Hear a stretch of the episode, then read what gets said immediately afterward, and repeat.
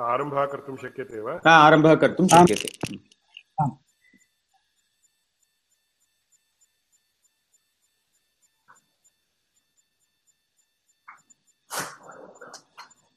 Hello आरम्भं करोतु। ज्ञानानन्दमयं देवं निर्मलस्फटिकाकृतिम् आधारं सर्वविद्यानां हयग्रीवमुपास्महे। श्रीहयग्रीवाय नमः।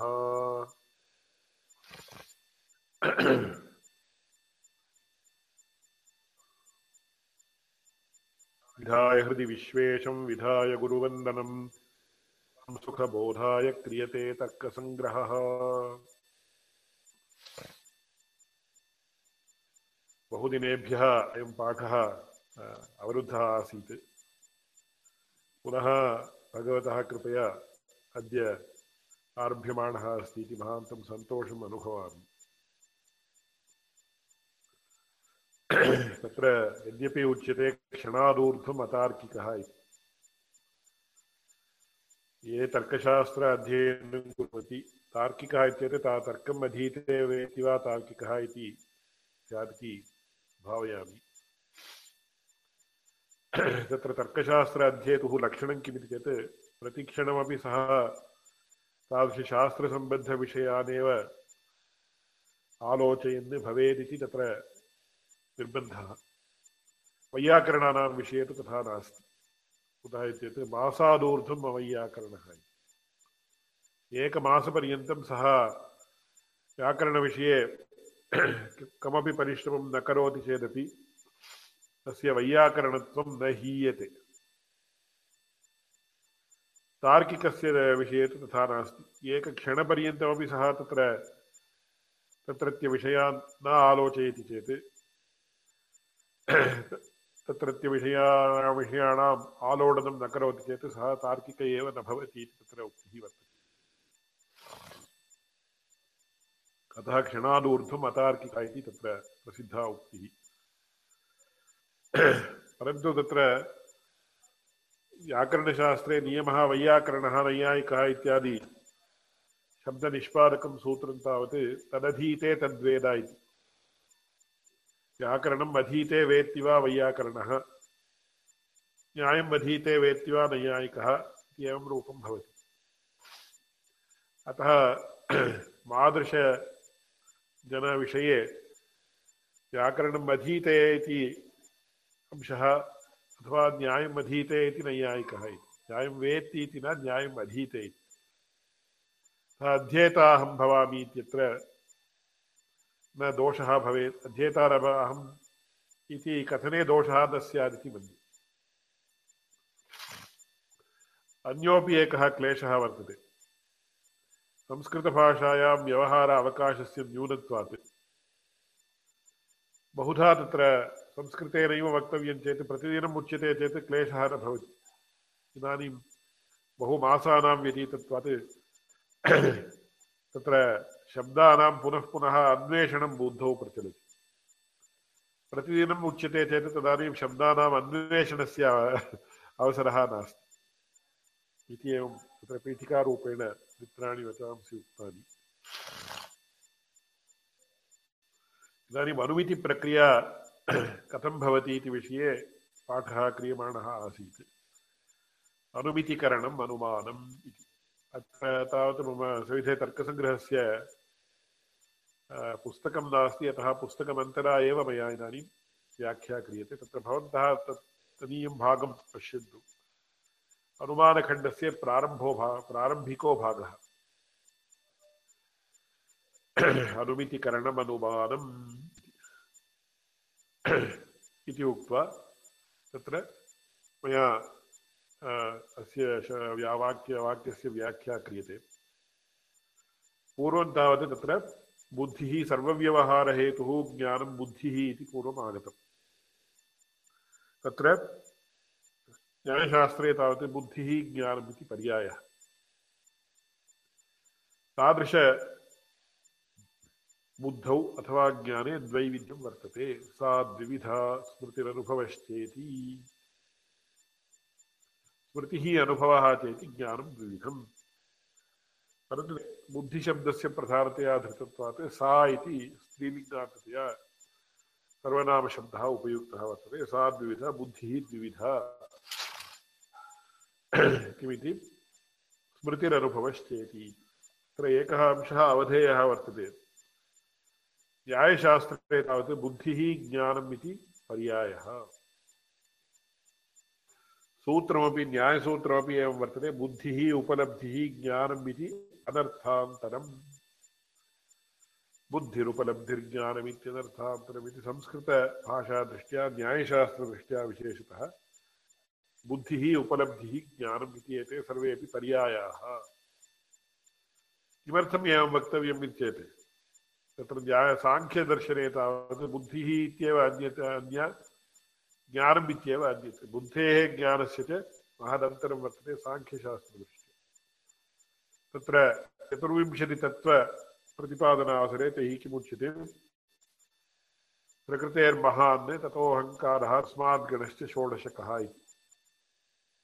प्रकृतेर्महान् इति महत्तत्त्वस्यैव बुद्धितत्त्वम् इत्यं नाम। अतः प्रकृतेः प्रथमपरिणामः बुद्धिः इति साङ्ख्यशास्त्रदृष्ट्या। ज्ञानम् इति चेत् तत्र प्रकृतिपुरुषविवेकज्ञानं, मोक्षसाधनं यत् तदेव ज्ञानम् इति उच्यते साङ्ख्यदर्शने। तत्र प्रकृतिपुरुषविवेकज्ञानमेव ज्ञानम्। तेनैव मोक्षसाधनं। ज्ञानात् मोक्षः इति सर्वेषां सम्मतम्। साङ्ख्यानामपि सम्मतं नैयायिकानामपि सम्मतं नैयायिकानां मते कीदृशज्ञानान् मोक्षः? यत् आत्मतत्त्वज्ञानान् मोक्षः। अत एव तत्र नैयायिकैरपि उपनिषद उपनिषद्वाक्यानामेव उल्लेखः क्रियते। आत्मा वारे द्रष्टव्य, श्रोतव्यो मन्तव्यो निध्यासितव्यः इति। तत्र तर्कामृतम् इति जगदीशतर्कालङ्कारेण विरचितं पुस्तकम् अथवा विरचितः ग्रन्थः अतीव बहु समीचीनः वर्तते, परन्तु तत्र एकदृष्ट्या तर्कसङ्ग्रहस्य आगतत्वात् तर्कशास्त्रीयाः बहवः प्रकरणग्रन्थाः तत्र अमान्यताङ्गताः अथवा न तावन् मान्या अभूवन् अमान्यताङ्गताः इत्येतत् तत्र न्यूनत्वं, परन्तु तर्कसङ्ग्रहग्रन्थस्य अत्युत्तमत्वात्। तर्कसङ्ग्रहग्रन्थस्य यावती मान्यता वर्तते, तावती मान्यता इतर इतरस्य, कस्यापि प्रकरणग्रन्थस्य नास्ति इति वक्तुं शक्यते। तत्र तर्कामृतग्रन्थे तावत् जगदीशतर्कालङ्कारः एवं भूमिकामारचयति न्यायशास्त्रस्य। तत्र आत्मावारे द्रष्टव्य श्रोतव्यो, मन्तव्यो निध्यासितव्यः इति वर्तते श्रुतिः। एवं विद्यमानायाः श्रुतेः तत्र तात्पर्यं किम् चेत् आत्मतत्त्वज्ञानात् मोक्षः इति तात्पर्यम्। आत्मतत्त्वज्ञानं प्राप्तव्यं चेत् आत्मनः तत्त्वज्ञानं किन्नाम तत्त्वम् इत्येत् न्यायभाष्यकाराः व्याकुर्वन्ति। तत्र ततश्च सद्भावः, असतश्च असद्भावः तत्त्वम्। पुनस्तत्त्वम् इति स्वयं प्रश्नम् उद्भाव्य सतश्च सद्भावः असतश्च असद्भावः तत्त्वम् इति व्याख्यानम् अतः तत्र विद्यमानस्य विद्यमानत्वेन ग्रहणम्।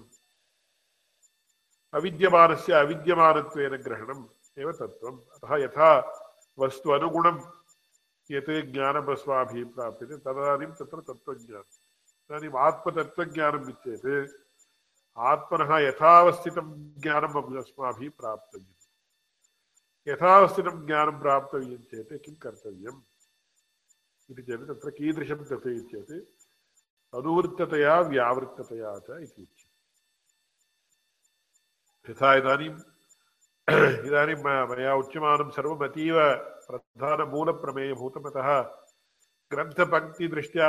न उच्यमानमस्ति इति अन्यथा न भावनीयम्। यथा इदानीं गौः इति गोः लक्षणं किम् अथवा गोः स्वरूपं किम् इत्येत् तत्र? गोः गौः नाम गोत्वाश्रयः। तर्हि किं नाम गोत्वम् इति चेत् द्वेधा उच्यते सास्नावधिवत्वं गोत्वम् इति। सास्ना इत्य तत्र विद्यमान अङ्गविशेषः। सास्ना इत्यत्र वर्तते सैव गौः अथवा स एव गौः इति द्वेधापि वक्तुं शक्यते गोशब्दः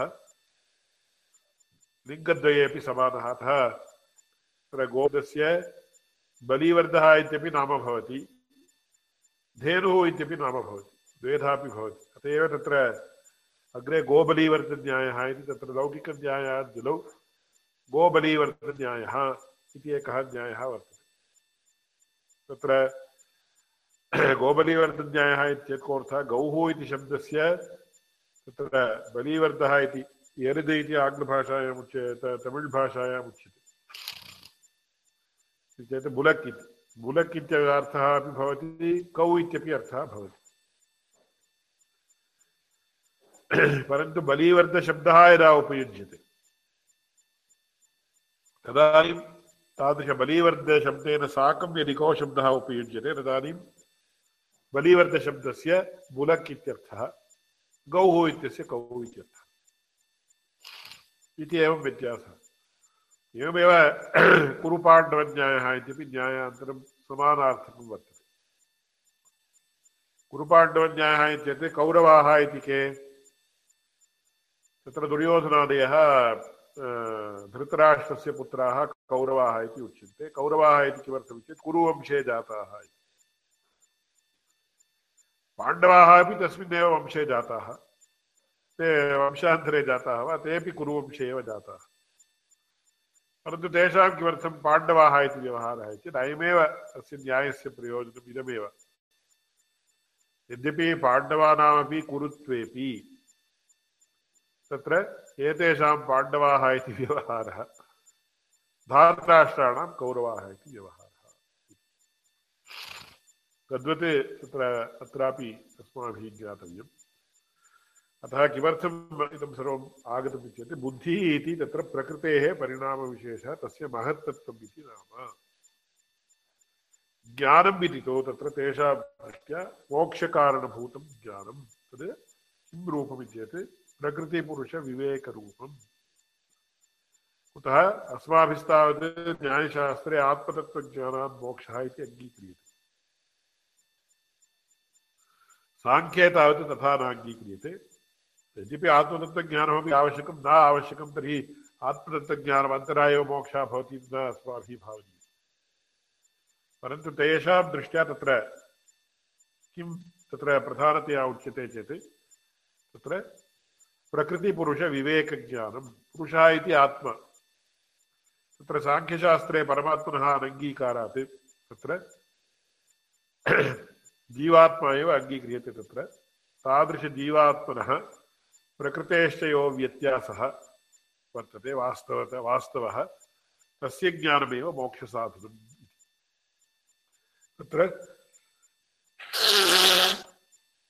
साङ्ख्यप्रक्रिया एवं वर्तते। तत्र वास्तवतया तावत् प्रकृतिः एव कर्ति। परन्तु पुरुषः किं भावयति? पुरुषः इत्येतत् अस्मदादयः जनाः।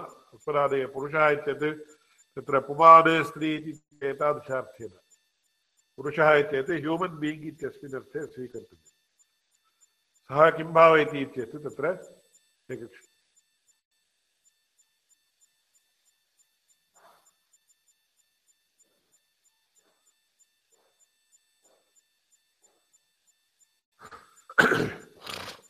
सः किं भावयति चेत् चेतनः अहं करोमि इति तत्र प्रकृतौ विद्यमानं कर्तृत्वं इति अहमेव कर्ता इति सः भ्रान्तो भवति। अतः तत्र प्रकृतेः क्रियमाणानि, गुणैः कर्माणि सर्वशः अहङ्कारविमूढात्मा कर्ता अहमिति मन्यते। तत्र गीतायामपि तत्र साङ्ख्यप्रक्रिया किञ्चिदिव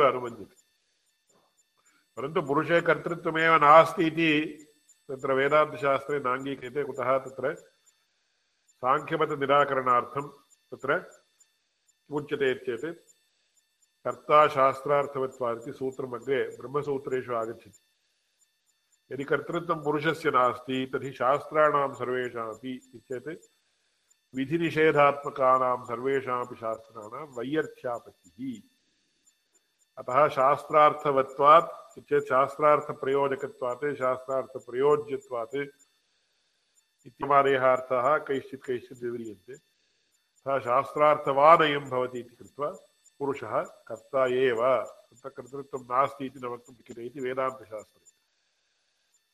साङ्ख्यशास्त्रे तावत् तत्र चेतनः अहं करोमि इति कर्तव्य कर् प्रकृतौ विद्यमानकर्तृत्वम् अस्मादृशाः जनाः स्वस्मिन् आरोपयन्ति। अतः दुःखादिकम् अनुभवन्ति। वास्तवतया तावत् प्रकृतिरेव कर्त्री इति तेषां प्रक्रिया। किमर्थम् इयमुक्ता चेत् आनन्दमहाभागः इदानीं साङ्ख्यकारिकामपि अध्येति इति तेन उक्तं। तस्मात् तत्र तदीयप्रक्रिया किञ्चिदिव विवरणीया इति दृष्ट्या कानिचन वचांसि अत्र उक्तानि। अतः बुद्धिः ज्ञानम् इति अस्मन्मते। न्यायशास्त्रे सर्वथा पर्यायः। अत एव न्यायसूत्रकारः सूत्रकाराः अपि स्वयं सूत्रमेकं, निर्मितवन्तः बुद्धिरुपलब्धिर्ज्ञानमित्यनर्थान्तरम्। एतादृशी बुद्धिः द्विविधा स्मृतिरनुभवश्चेति तत्र स्मृतिः तावत् संस्कारमात्रजन्यं तत् पूर्वमेव विवृतम् अतः तद्विषये नाधिकमिदानीम् उच्यते। संस्कारमात्रजन्यं ज्ञानं स्मृतिः, तद्भिन्नं ज्ञानम् अनुभवः स्मृतिभिन्नत्वे सति ज्ञानत्वम् अनुभवस्य लक्षणम् अतः स्मृतिभिन्नत्वमात्रोक्तौ घटादौ अतिव्याप्तिः, अनुभवत्वमात्रोक्तौ स्मृतौ एव अतिव्या तत्र ज्ञानत्वमात्रोक्तौ स्मृतौ एव अतिव्याप्तिः। अतः स्मृतिभिन्नत्वे अस्ति ज्ञानत्वम् अनुभवस्य लक्षणम्। तदुपर्यायम् अनुभवः कतिविधः? चतुर्विधः प्रत्यक्ष अनुमिति उपमिति, शाब्दभेदेन। इति यथार्थानुभवः कतिविध अनुभवः पुनः द्विविधः यथार्थो अयथार्थश्चेति। यथार्थानुभवः चतुर्विधः प्रत्यक्षम् अनुमितिः, उपमितिः, शाब्दबोधश्च शाब्दबोधश्चेति। आयतार्थानुभवस्तु त्रिविधः संशयविपर्ये तर्कभेदात् अग्रे आगच्छति स विचारः। इदानीं मास्तु। तादृश यथार्थानुभवः चतुर्विधः यः, तत्र प्रत्यक्षम् इति प्रथमः तद्विषये पूर्वमेव प्रत्यक्षप्रमितिः इति अत एव उच्यते। सा तावत् पूर्वमेव व्याख्याता। इदानीम् अनुमितिः इति क्रमप्राप्तम् अनुमानं निरूपयति। अनुमितिकरणम् अनुमानम् अनुमानं नाम किम् चेत् अनुमितेः करणम्। तत्र करणविचारः अपि पूर्वमेव प्रस्तुतः। किमिति? व्यापारवदसाधारणकारणं करणम्। अनन्यथा तत्र करणम् असाधारणकारणं करणं व्यापारवदपि भवेत् तत् तत्र व्यापारो नाम कः इत्येतत् तद्भिन्नत्वे सति तद् तज्जन्यत्वे सति तज्जन्यजनकत्वम् इति व्यापारस्य लक्षणम् विचारः पूर्वमेव प्रस्तुतो वा न वा मया व्यापारलक्षणं किम्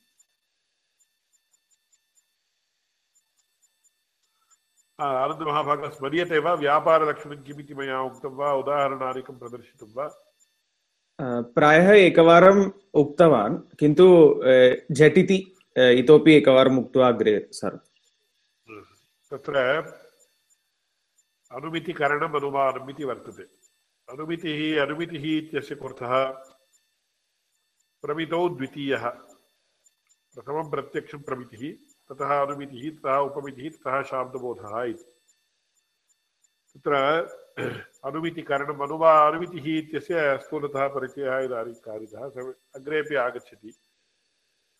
करणम् इत्येतत् तत्र व्यापारवरसाधारणकारणं करणम् व्यापारवत् असाधारणकारणं करणम्। अस्य एकम् उदाहरणम् अत्रैव दातुं शक्यते, परन्तु प्रकरणान्तरे यदुदाहरणं वर्तते तदिदानीम् उच्यते।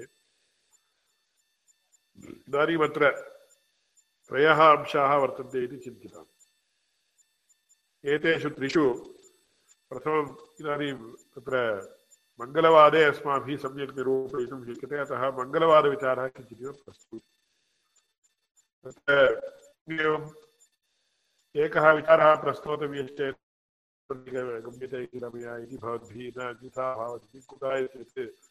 शास्त्रे सर्वोपि विषयः परस्परं सम्बद्धः Every aspect is networked with every other aspect.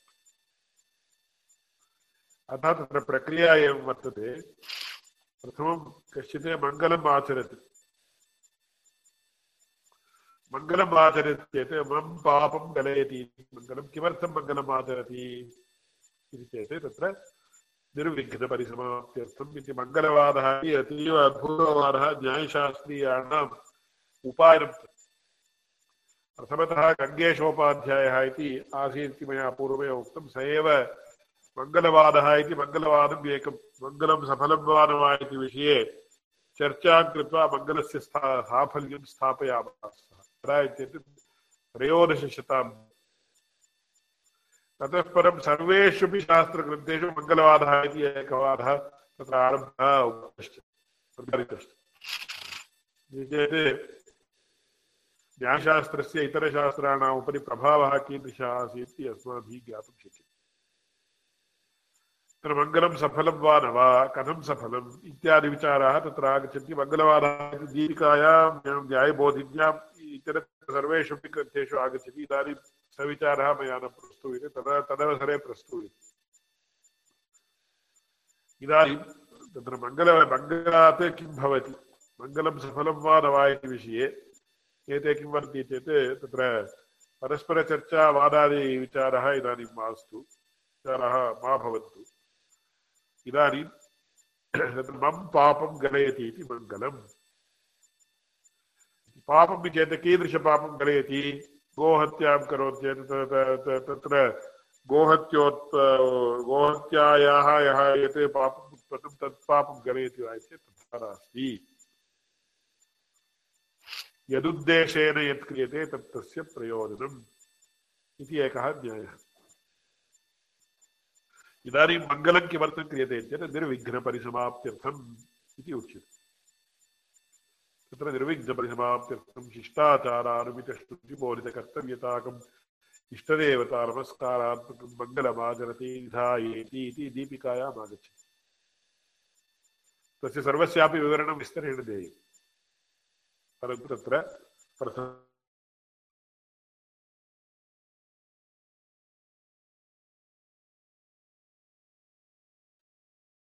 Hari ओम्, श्रूयते वा? श्रूयते किन्तु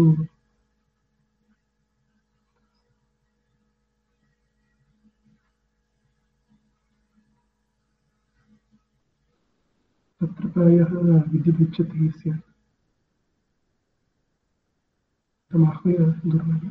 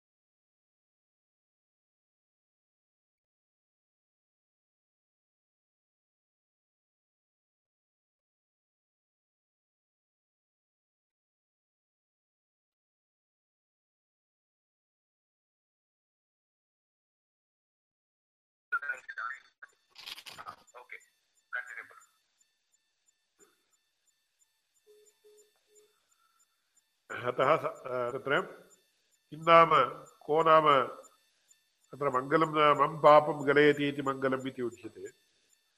तत्र कीदृशपापं निवार्यते मङ्गलेन? श्रूयते खलु? सम्यक् श्रूयते. कीदृशपापं कीदृशपापं मङ्गलेन निवार्यते? गोहत्यां करोति तादृशगोहत्यया समुत्पन्नं पापम् इदं मङ्गलं निवारयति वा? इत्येतत् न निवारयति। कुतः यदुद्देशेन यत् क्रियते तत् तस्य फलम्। अनन्तरं तत्र करोलि इति उच्यते अथवा तत्र आनुषङ्गिकफला, फलान्तरं स्यान्नाम विचारः अन्यः कदाचित्। परन्तु इदानीं कीदृश उद्देशेन मङ्गलम् आचरितुम् चेत् परिसमा, प्रारीप्सितस्य ग्रन्थस्य निर्विघ्नपरिसमाप्त्यर्थम् इति अग्रे तर्कसङ्ग्रहदीपिकायाम् उच्यते। समाप्त्यर्थं मङ्गलं कृतम्। निर्विघ्नपरिसमाप्तिः चेत् विघ्नमन्तरा। विघ्नोत्तरायः प्रत्यूहः इति अमरकोशः। तत्र आङ्ग्लभाषायाम् इम्पेडिमेण्ट्स् इति उच्यते। तादृशविघ्नमन्तर ग्रन्थसमाप्तिः भवेदिति कारणात् मङ्गलम् अनुष्ठीयते, अनुष्ठितम्। एवञ्च तत्र मङ्गलस्य फलं चेत् समाप्तिः फलम्। ग्रन्थस्य समाप्तिः फलम्। ग्रन्थसमाप्तिः कथं भवति इति चेत्, साक्षात् भवति चेत्, विघ्नध्वंसद्वारा। इति मङ्गलं किं करोति? विघ्ना, विघ्नध्वंसम् उत्पादयति। विघ्ना, विघ्नाः ये सन्ति, तादृशविघ्नानाम् अपाकरणं करोति, विघ्नध्वंसं करोति। विघ्नध्वंसेन किं भवति? मङ्गलं समाप्तिः भवति। अतः तत्र मङ्गलात् विघ्नध्वंसः। विघ्नध्वंसात् समाप्तिः। यद्यपि मङ्गलात् समाप्तिः इत्येव तत्र स्वीकर्तव्यम् परन्तु विघ्नध्वंसद्वारा मङ्गलः, मङ्गलं समाप्तिं जनयति इति अर्थः अस्माभिः ज्ञातव्यः। एवञ्च तत्र एवम् अस्माकं पूर्वतनाः, अस्मदाचार्याः एवं न प्रदर्शयन्ति स्म, अस्माकं पूर्वतनाः केचित् एकस्य न्यायाध्यापकस्य सविधे पठितवन्तः, ते एवं प्रदर्शयन्ति स्म। पश्यतु इदं मङ्गलं विघ्नध्वंसः जायते। विघ्नध्वंसात् समाप्तिः मङ्गलस्य फलं किमिति चेत् मङ्गलं कारणं विघ्नद्व समाप्तिः फलम्। परन्तु एवं साक्षात् न भवति एवं भवति। अतः मङ्गलात् विघ्नध्वंसः। विघ्नध्वंसात् समाप्तिः। अत्र मध्ये विद्यमानं यत् तत् व्यापारः इति उच्यते। एवञ्च व्यापारस्य किं तत्र व्यापारस्य किं लक्षणम् इत्येत्, तज्जन्यत्वे सति। इदानीं विघ्नध्वंसः व्यापारः, मध्ये विद्यमानः। तज्जन्यत्वे सति चेत् तच्छब्देन कारणं ग्राह्यम् तज्जन्यत्वे सति कारणजन्यत्वे सति कारणजन्य तज्जन्यजनकत्वं कारणजन्यकार्यजनकत्वम् इदानीं मङ्गलं कारणं विघ्नध्वंसः व्यापारः समाप्तिः फलम्। अत्र कारणस्य लक्षणं किम्? इति चेत् कार्यनियतपूर्ववृत्तिकारणं फलं तावत् समाप्तिः तन्नियतपूर्ववर्ति यत् किम् इति चेत् तत्र इदं मङ्गलम् अतः समाप्तिं प्रति मङ्गलं कारणम् कारणत्वनिश्चयः कथं भवति इति चेत् मङ्गलवादे आगच्छति अयं विषयः सर्वोऽपि तत्र विस्तरेण उच्यते परन्तु तत्र अयम् अंशः प्रथमतः ज्ञातव्यः। कुतः कार्यकारणभावज्ञानं नास्ति चेत् अस्माभिः न किमपि कर्तुं शक्यते। तत्र कथं कार्यकारणभावनिश्चयः? तत्र अन्वयव्यतिरेकसहचाराभ्याम् इति उच्यते। सहचारः नाम तत्र सह वर्तित्वं सहचरति इति सहचारः। सः इत्येत् सकारानन्तरं हकारः योजनीयः। सः इति न सकारानन्तरं विसर्गः। तादृशसहचारः इत्येतत् कोऽर्थः? यत्सत्त्वे यत्सत्त्वम् इति अन्वयसहचारः यदभावे यदभावः इति व्यतिरेकसहचारः यथा इदानीं दण्डसत्त्वे घटसत्त्वम् इति अन्वयसहचारः दण्डाभावे घटाभावः। दण्डः नास्यते घटः नोत्पद्यते। इति अन्वयव्यतिरेकसहचारयोः स्वरूपम्। एवम् अन्वयव्यतिरेकसहचाराभ्याम् अस्माभिः तत्र कार्यकारणभावः निश्चेतुं शक्यते। इति कार्यकारणभावग्रहणप्रक्रिया, कार्यकारणभावनिश्चयप्रक्रिया। तत्र यदि अनयोः सहचारयोः एकस्यापि सहचारस्य भङ्गः भवति तदानीं तस्य व्यभिचारः इति नाम भवति। यथा इदानीं दण्डसत्त्वे घटसत्त्वम् इति अन्वयसहचारः दण्डाभावे घटाभावः इति व्यतिरेकसहचारः। तत्र दण्डसत्त्वेपि यदि कार्यं नोत्पद्यते दण्डसत्त्वे घटाभावः इति उच्यते। चेत् तदानीं सः अद्वयव्यभिचारः इति उच्यते। घटाभावेपि घटः उत्पद्यते दण्ड यत्र यत्र दण्डाभावः तत्र तत्र घटाभावः इति वक्तव्यम् यत्र यत्र दण्डाभावः तत्र तत्र घटः इति एकत्रापि दण्डमन्तरा घटः आगच्छति चेत् तदानीं तस्य व्यतिरेकव्यभिचारः इति अतः तत्र अद्वयव्यभिचारोऽपि न भवेत् व्यतिरेकव्यभिचारोऽपि न व्यतिरेकव्यभिचारोऽपि न भवेत् अन्वयसहचारः स्यात् व्यतिरेकसहचारश्च स्यात् तदानीमेव द्वयोः तत्र परस्पर तत्र द्वयोः कार्यकारणभावनिश्चयः कर्तुं शक्यते। अतः कार्यकारणभावनिश्चयं प्रति किम् आवश्यकम् इत्येत् व्यभिचारज्ञानाभावसहकृतसहचारज्ञानम् आवश्यकम् इति तत्र ग्रन्थेषु लिखितम्। तत्र सहचारज्ञानम् अवश्यं स्यात्। सहचारज्ञानमात्रमस्ति चेत् न पर्याप्तं किन्तु व्यभिचारज्ञान अभावः अपि स्यात्। व्यभिचारज्ञान व्यभिचारः वर्तते अनयोः इति। अद्वैव्यतिरेक अद्वैव्यभिचारो वा, व्यतिरेकव्यभिचारो वा वर्तते इति ज्ञानं न भवेत्।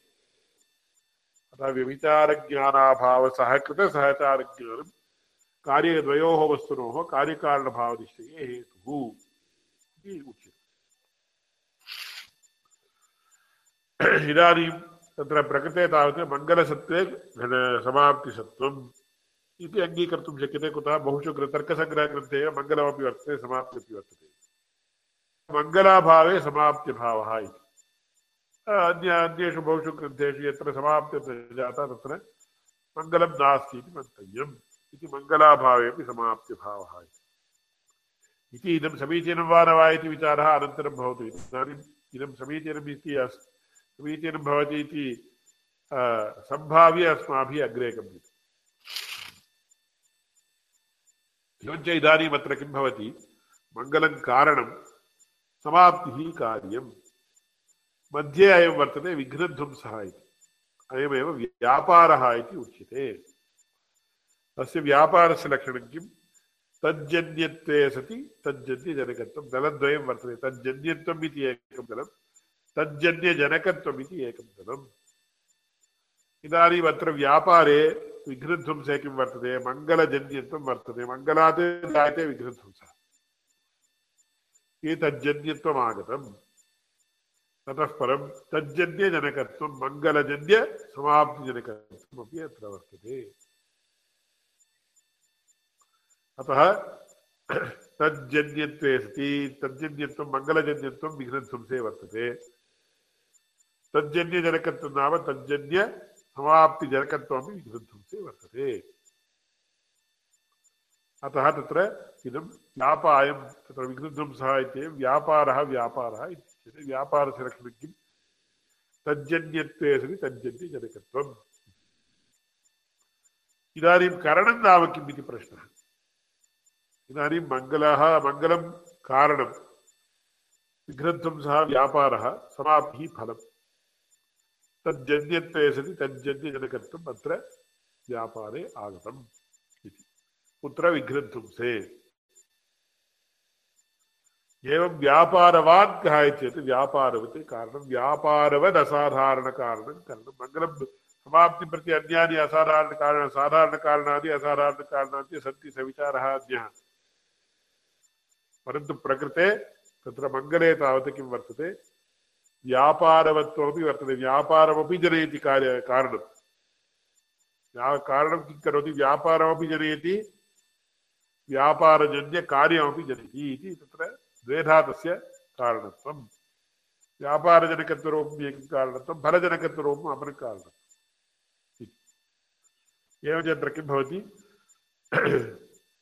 अनुमितिकरणम् अनुमानम् इत्युक्ते अनुमितेः करणं करणं नाम व्यापारवान् भवेत् व्यापारवत् भवेत् तत् एवं तत्र किं भवेत् असाधारणकारणमपि भवेत् असाधारणत्वं नाम किम् इत्येतत् तत्पूर्वमेव उक्तं कार्यत्वावच्छिन्नकार्यतारूप्तकारणत्वं साधारणकारणत्वं कार्यत्व अतिरिक्तधर्मावच्छिन्नकारणता कार्यतारूप्तकारणतावच्छेदकत्वम् असाधारणत्वम् इति अत्र शास्त्रीयदृष्ट्या अस्माभिः तत्र साधारणकारण असाधारणकारणयोः तत्र विवरणं क्रियते लौकिकदृष्ट्या वक्तव्यं चेत् यत् कार्यसामान्यकारणं तत् का साधारणकारणम् इति उच्यते कार्यविशेषकारणं यत् तत् असाधारणकारणम् इत्युच्यते तत्र कार्यसामान्यं प्रति कारणं किम् चेत् कालेश्वरदृष्टादीनां साधारणकारणत्वम् अथवा सामान्यकारणत्वं कालः ईश्वरः अदृष्टपुण्यपापे तत्तद् मनुष्यस्य एवं दिक्। कालः दिक् time and space time and space अन्तरा किमपि न भवति, न किमपि वक्तुं शक्यते, न भवति।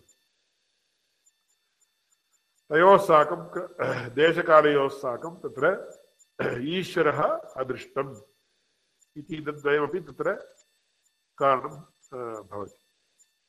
परन्तु इमानि सर्वाण्यपि साधारणकारणानि कार्यसामान्यं प्रति यद्यपि यद्यत् कार्यं भवति, तत् सर्वस्यापि कारणानि एव।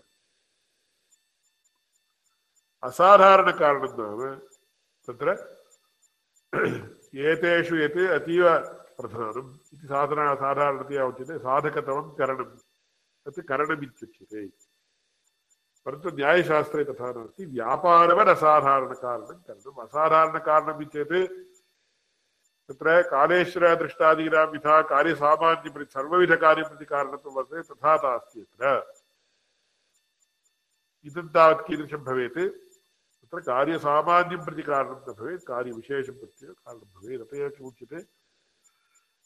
तत्र असाधारणकारणं। साधारणकारणं चेत् कार्यसामान्यकारणं। परन्तु अत्र एकम् एतादृश एकविषयं प्रति इदं सा असाधारणकारणं भवति एता न साधारणम् इति कृत्वा असाधारणकारणम् इति असाधारणकारणं कारणं तदपि कीदृशं भवेत् व्यापारवद् भवेत्। व्यापारवत् नाम व्यापारजनकं भवेत्। यत् कारणं व्यापा असाधारणं सतः असाधारणं सत्। इत्येतत् असाधारणम् चेत् कार्यदृष्ट्या। एवं तत्र व्यापारवच्च तदेव करणम् इति उच्यते। अतः व्यापारवत् असाधारणकारणं करणम्। इदानीमत्र किं भवति? मङ्गलं विघ्नध्वंसः समाप्तिः। समाप्तिं प्रति असाधारणकारणं किं? यद्यपि कार्यनियतपूर्ववर्तिकारणमिति ग्रहणे व्यापारेपि कारणत्वम् आगच्छति व्यापारस्यैव तत्पूर्वक्षणवृत्तित्वात्। तर्हि व्यापारः इति व्यवहारः कथमागतः, तत्र तस्यापि कारणत्वेन व्यवहारः क्रियताम् चेत् तथा नास्ति। व्यापारस्य, कारणसामान्यस्य, करणस्य च अस्ति वै महद्वैलक्षण्यम्।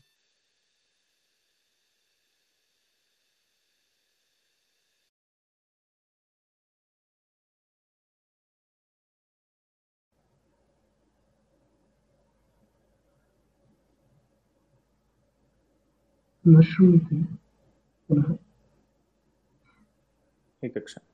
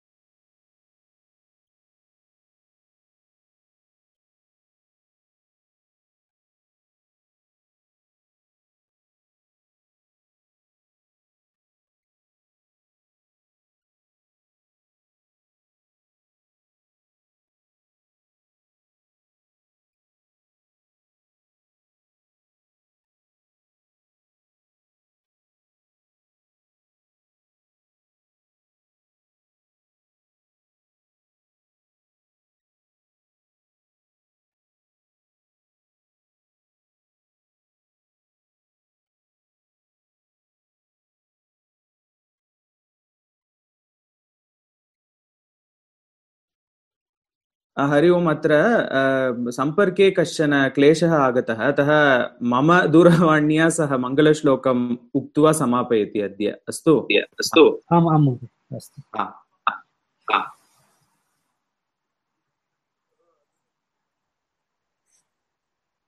प्रधानः अंशः अतीव अवश्यं ज्ञेयः कुतः चेत् अस्य अस्य उपरि एव न्यायशास्त्रस्य न्यायशास्त्रीयभवनस्य निर्माणं कृतम्।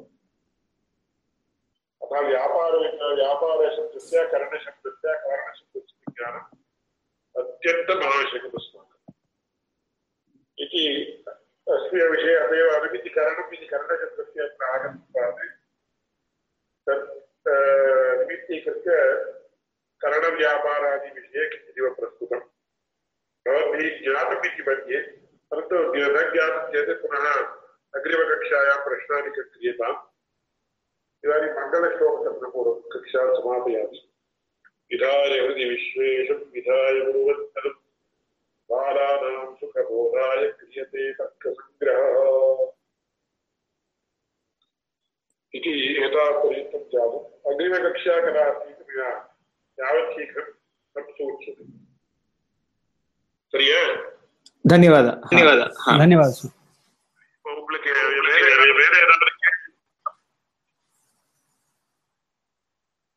హలో.